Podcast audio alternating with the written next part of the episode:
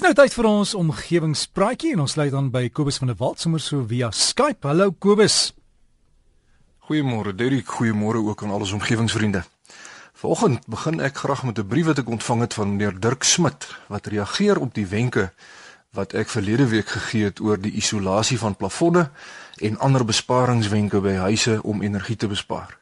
Meneer Smit is 'n bou-inspekteur, so hier het ons nou regtig 'n spesialis En hy sê die nasionale bouregulasies is wel aangepas en daar is nog veranderinge op pad. Nou dit is baie goeie nuus.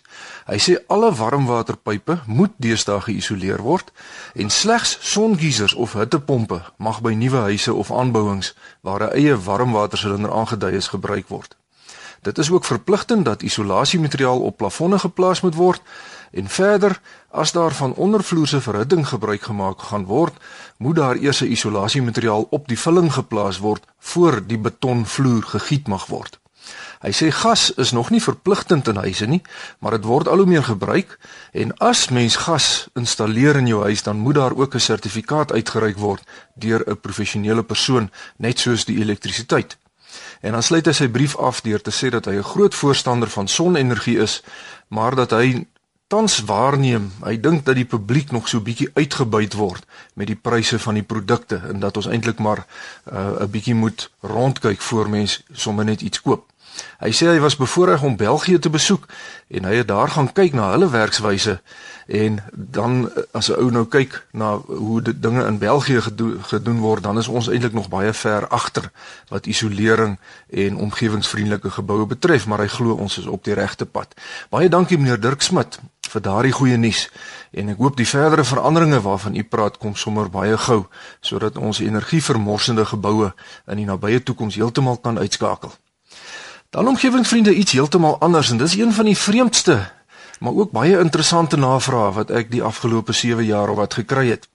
En dit kom van Alma van der Walt. Dis nou nie familie van my nie, maar sy vertel dat haar dogter Nicola en 'n maat van haar Karla Smit wat beide in graad 9 is, 'n expo taak gedoen het om te kyk na die rykwyte van 'n motorvoertuig se afstandsbeheer knoppie.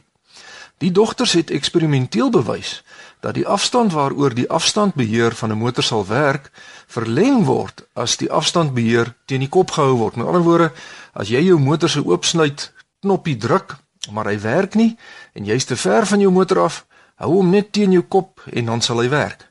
En hulle wonder nou of 'n mens se kop dalk as 'n resonansie-holte optree. Met ander woorde, jou kop uh, verstuy, versterk dan nou die sein uh, net soos wat 'n gitaar se bak die klank van die snare versterk. Nou ja, ek weet heeltemal te min van hierdie onderwerp af en ek het gaan kers opsteek by 'n kollega van my professor Johan Holm wat 'n elektroniese ingenieur is. Nou professor Holm sê dat die dogter se waarnemings wel korrek is en dat dit soos volg verduidelik kan word. Hy sê die meeste afstandsbeheerders in Suid-Afrika werk op 'n frekwensie van 433.92 MHz. Nou dit beteken dat die elektriese seintjie binne die afstandbeheerder opgewek word deur middel van een of ander resonante elektroniese stroombaantjie wat bekend staan as 'n osilator. En die seintjie binne in die osilator verander dan teen 'n tempo van 433,92 miljoen veranderinge per sekonde. Nou op hierdie stadium is dit dan nou nog slegs 'n elektriese sein binne in die afstandsbeheer apparaatjie en dit sal net binne in die stroombaantjies van die afstandsbeheerder bly tensy hierdie elektriese sein nou omgeskakel word na golwe wat deur die ruimte kan voortplant.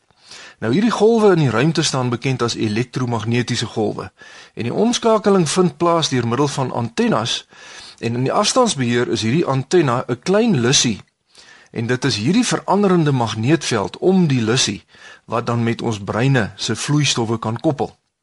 Wanneer die elektriese stroom deur die lussie verander, dan verander die magneetveld rondom die lussie terselfdertyd.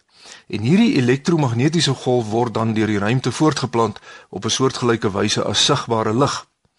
Nou is dit belangrik om te begryp hoe so 'n elektromagnetiese golf voortgeplant word deur die ruimte. En dit werk so: elke keer as die magnetiese golfie verander, dan veroorsaak dit 'n veranderende elektriese golfie wat ook in die ruimte voortplant. En die veranderende elektriese golfie veroorsaak dan weer 'n magnetiese golfie en die magnetiese golfie veroorsaak weer 'n elektriese golfie en so herhaal die proses homself. Nou hierdie elektromagnetiese golfies verswak soos wat dit nou verder van die afstandsbeheer uh beweeg omdat die dit van die afstandsbeheer in alle rigtings uitsprei. Uh die energie word dan minder dig soos wat ons verder van die afstandsbeheer af beweeg. En later is die hoeveelheid energie nou so min dat jou motor dit nie meer kan opvang nie en dit is dan nou die einde van die afstandsbeheer se reikafstand. Maar ons kan die reikafstand van die afstandsbeheer vergroot deur 'n groter antenna te gebruik. Maar omdat die afstandsbeheer nou binne in die sleutelshouertjie moet inpas, is die antennes van afstandsbeheerders maar klein. Maar nou kom die interessante en dit is dat mense vir alle praktiese doeleindes soutpilare is, soos professor Hollum dit stel. 'n Mens kan werklik gemodelleer word as 'n samestelling van soutwater. En die vloeistowwe in ons koppe werk baie soos 'n swakkerige geleier van elektrisiteit. So wat gebeur as jy die afstandsbeheer teen jou kop hou?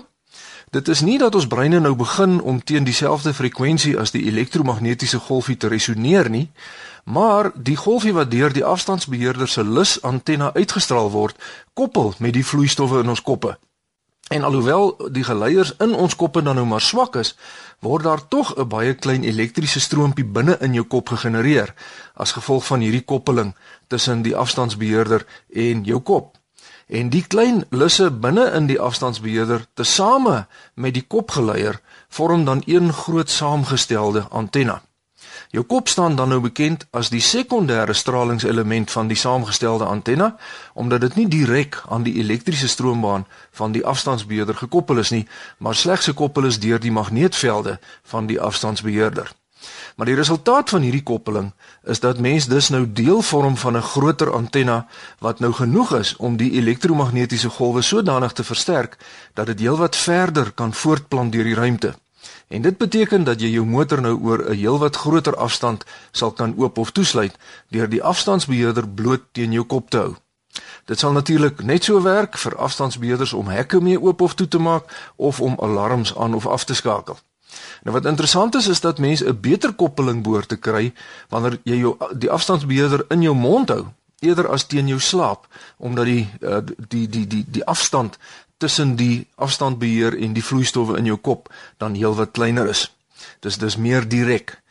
Uh nou ja, omgewingsvriende, daarmee is my tydjie om vir oggend hartlike dank aan mevrou Alma van der Walt vir die interessante vraag en ook aan professor Johan Holm van elektriese, elektroniese en rekenaar-ingenieurswese hier op die pak.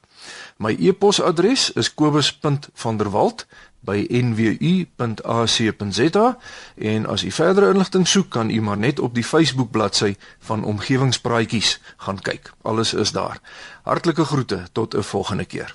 Ja, Kobus, dankie daarso so via Skype ons omgewingspraatjie en die beste is om op Facebook te gaan soek vir omgewingspraatjies, die meervoud omgewingspraatjies.